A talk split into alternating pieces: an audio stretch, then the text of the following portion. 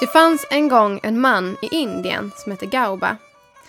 Gauba jobbade i en tempelträdgård med sin fru Gaubi.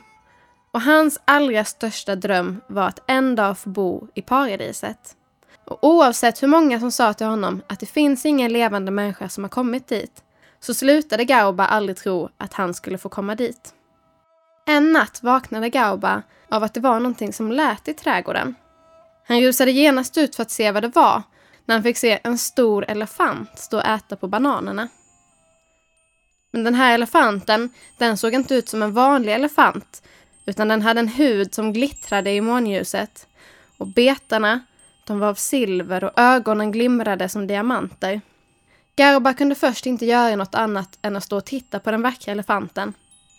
Men så kom man på att det fanns en gammal myt om att elefanterna från paradiset kom ner till jorden ibland för att äta jordens bananer. Så Garba, han gick fram till elefanten och så började han prata med den så snällt som han bara kunde. Snälla elefant, kan inte du hjälpa mig att ta mig till paradiset? Elefanten tittade på Gauba och frågade Vad ska du göra i paradiset alldeles själv? Och så svarade Gauba att jag tänkte att jag kanske kunde få ta med min fru, Gaubi, och min bästa vän, apan Kalu. Elefanten roades av Gauba och sa att möt mig här vid nästa fullmåne, så kan du få hålla i min svans när jag flyger tillbaka. Och Gauba, han blev så glad så han sprang direkt hem och väckte Gaubi och så berättade han vad som hade hänt. Men Gaubi, hon visste inte riktigt om hon verkligen ville åka till paradiset. Hur visste hon att det skulle vara bra där? Var skulle de bo? Vad skulle de äta?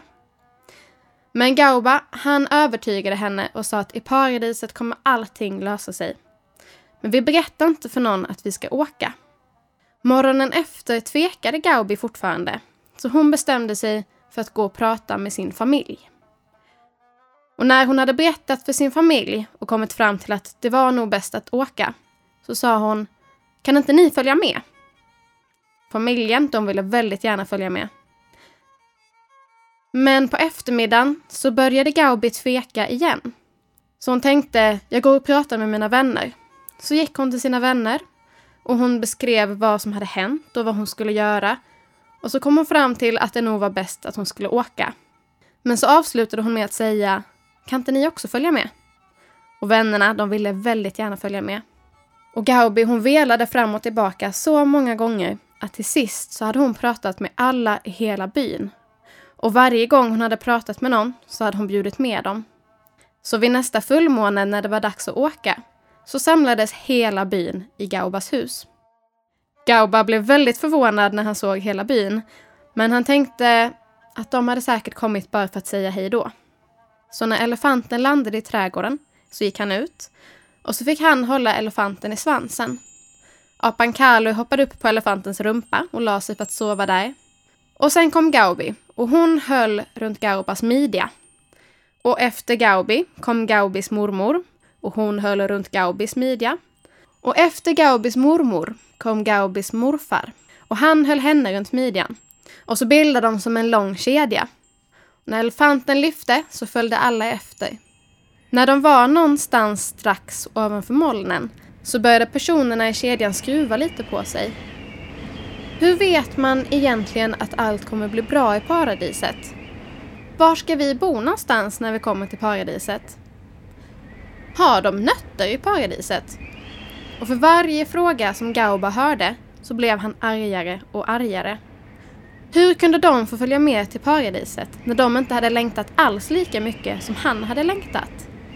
Och när Gaubes mormor sen frågade Gauba om han trodde att det skulle finnas vattenmeloner i paradiset och hur stora skulle de här vattenmelonerna då vara? Gauba, han blev så arg så att han släppte taget om svansen och så visade han med händerna att så här stora kommer vattenmelonerna vara. Men nu hade ju Gauba släppt taget om svansen och långsamt så började alla människorna ramla ner mot jorden. Elefanten, som inte brydde sig tillräckligt mycket för att hämta upp dem, men som inte ville dem illa, förtrollade dem så att de landade mjukt. Den enda som inte ramlade ner, det var apan Kalu. Så den enda som fick komma till paradiset, det var apan.